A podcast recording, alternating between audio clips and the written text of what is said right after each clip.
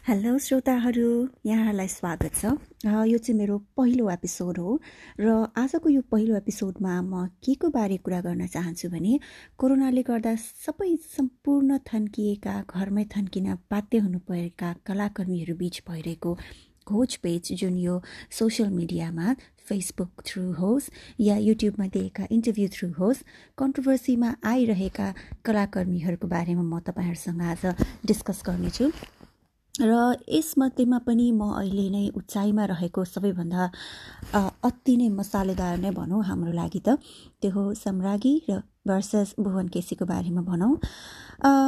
कुरा कहाँसम्म पुगिसक्यो भने भुवन केसीले त सम्रागीको विरुद्ध मुद्दा हानी भनेर दस करोडका लागि क्षतिपूर्तिका साथ मुद्दा नै दायर भइसकेको छ सम्रागीको विरुद्ध।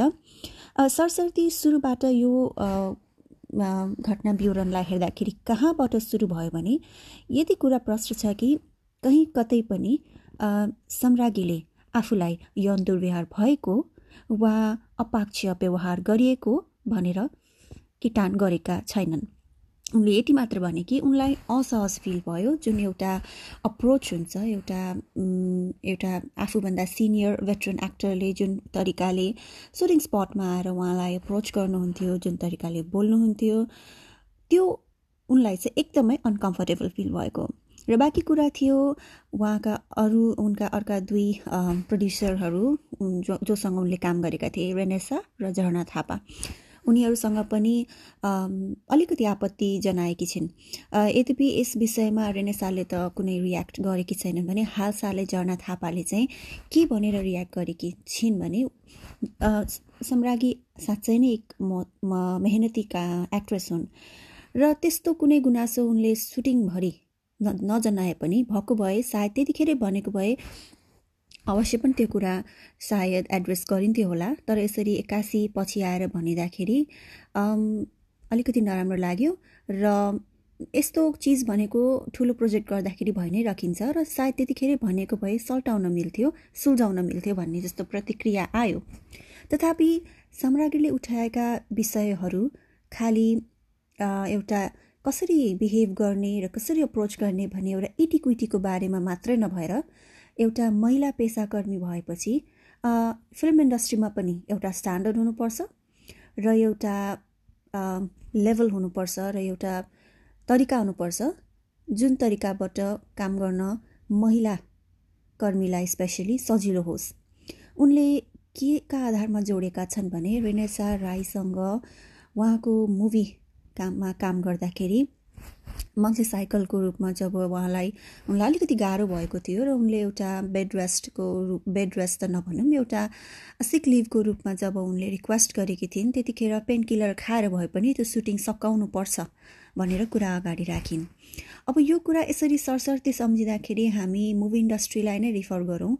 यति कति कति सिनहरू हुन्छन् कति एउटा डान्सहरू हुन्छन् गीतहरू हुन्छन् जुन चाहिँ हामी भारी वर्षामा एक्टर र एक्ट्रेस हिरो हिरोइन उफ्रेर नाचिरहेका हुन्छन्। ल यदि मानौँ मासिक श्राव भनौँ नै मन्थली पिरियडको रूपमा यदि एउटा हिरोइनलाई भइरहेको छ भने त्यस्तो अवस्थामा प्याकअप गरिन्छ कि गरिँदैन? त्यस्तो अवस्थामा एउटा हिरोइनले आफूलाई असजिलो महसुस भइरहेछ भन्दाखेरि त्यो कुरालाई कतिको जायज मानिन्छ? यो कुरालाई विचार गर्ने हो भने सम्राज्ञीले भनेका उठाएका यी उदाहरणीय कुराहरूलाई नराम्रो भन्न सकिन्। भलै इन्टु मिन्टु लन्डनमा त्यस्तो कुनै झरी परेको गाना त थिएन तर जुन उहाँले आफ्नो कामसँग सम्बन्धित चिजलाई लिएर उठाउनु भयो आफूमाथि भएको असहजतालाई एड्रेस गरिएन भनेर त्यो पक्कै पनि सोचनीय छन्। पक्कै पनि कुनै जमाना थियो हाम्रा एक्टर्सहरू सायद धेरै बलियो पारिवारिक पृष्ठभूमिबाट नआएका अथवा भनौँ धेरै पढे नलेखेका अथवा भनौँ नेपाली मुभी इन्डस्ट्री नै भर्खर उदयमान अवस्थामा रहेको बेलामा सबैले एज अ टिम काम गरेर यहाँसम्म आइपुगेको हो। यो मान्न सकिन्छ कि त्यतिखेर कसैले कसैको गुनासो गरेनन् कन्ट्रोभर्सी भनेको रियरली नै हुन्थ्यो। चुपचाप काम गरिन्थ्यो।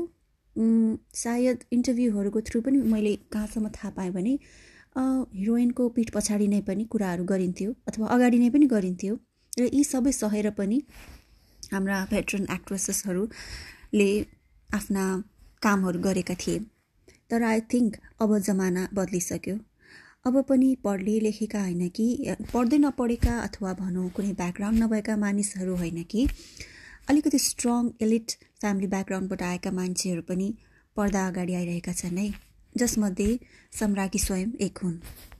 र उनले उठाएका कुराहरूलाई हेर्ने हो भने पनि यसमा उनले गुना गुमाउनु पर्ने केही पनि खासै देखिँदैन। र जति गुमाउनु पर्ने हो उनको अगाडि पछाडि अहिले कुरा भएर नै भइरहेको छ एउटा महिला भएको नाताले। अब भर्खरै भएको मुद्दाले गर्दा सायद यो कुरा अझै चर्किन्छ होला। अब आर्थिक रूपमा पनि सायद यो मुद्दा पल्टिन गयो। साम्राज्ञीको तर्फ भने सायद आर्थिक रूपमा उनले अझै धेरै थोक गुमाउनु पर्छ कि?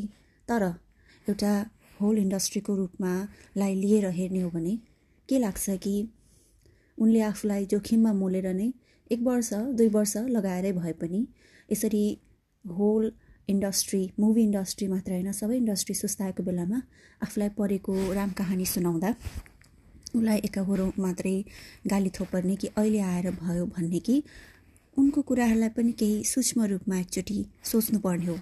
यो कुरामा नेपाल चलचित्र विकास बोर्ड देखि लिएर सम्पूर्ण कलाकारहरूले पनि एकचोटि सोच्नुपर्छ जस्तो लाग्यो।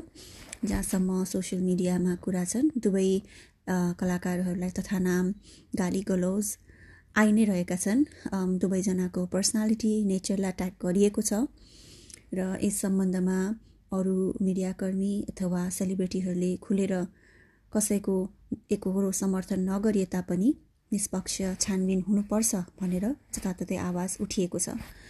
र म पनि यो पोडकास्टबाट मैले यतिखेरसम्म यी विषयहरूलाई सरसर्ती हेर्दा भुवन केसीकै इन्टरभ्यूहरू पोस्टहरू पढ्दा उनले निवेदन दिएको पिक्च फोटो हेर्दा पढ्दा त्यसपछि सम्राज्ञीले नै गरेको इन्टरभ्यूहरू उनको च्यानलमा भनिएका कुराहरू हेर्दा पक्कै पनि उनले उठाएका कुराहरू ना एकदमै असामान्य छैनन्। यो एउटा सामान्य कुरा हो। कुनै पनि काममा यस्तो कुराहरूलाई कन्सिडर गरिनुपर्छ र जहाँसम्म इटिक्विटीको कुरा रहेको छ कसरी अगाडि प्रस्तुत हुने कसरी व्यवहार गर्ने र को आफूसँग सहज छ छैन भन्ने कुरा दुवै पार्टीले महसुस गर्नुपर्छ छैन भने भनिनु पनि पर्छ र ठुलो भएको नाताले यदि उनले नाइ हुन्न अथवा असहजता देखाइरहेका छन् भने आफूलाई पनि रिट्रिभ गर्न सिक्नुपर्छ आफूले पनि परिवर्तन गर्न सिक्नुपर्छ मलाई जस्तो लाग्छ। र मलाई पूर्ण विश्वास छ यो केसले चाहिँ छिटोभन्दा छिटो कुनै पोजिटिभ वेमा रिजल्ट ल्याउँछ जसले गर्दा सम्पूर्ण कलाकर्मीलाई काम गर्न सहजता पुर्याइदिन्छ। यति भन्न सक्छु कि भोलिको दिनमा कसैले पनि आएर सम्राज्ञीले जस्तो मलाई अब यस्तो भयो मलाई अब उस्तो भयो भनेर सोसियल मिडियामा बिलौना गर्नु पर्दैन। किनभने यसले सतर्कता सतर्कता अवश्य पनि निम्त्याइसकेको छ। थ्याङ्क यू मेरो राय भन्नु नै यति नै हो। तपाईँहरूलाई मनपर्छ भने तपाईँहरू मेरो यो विचारसँग सहमत हुनुहुन्छ भने मलाई प्लिज यहाँ कमेन्ट गरिदिनु होला मलाई फलो गरिदिनु होला थ्याङ्क यू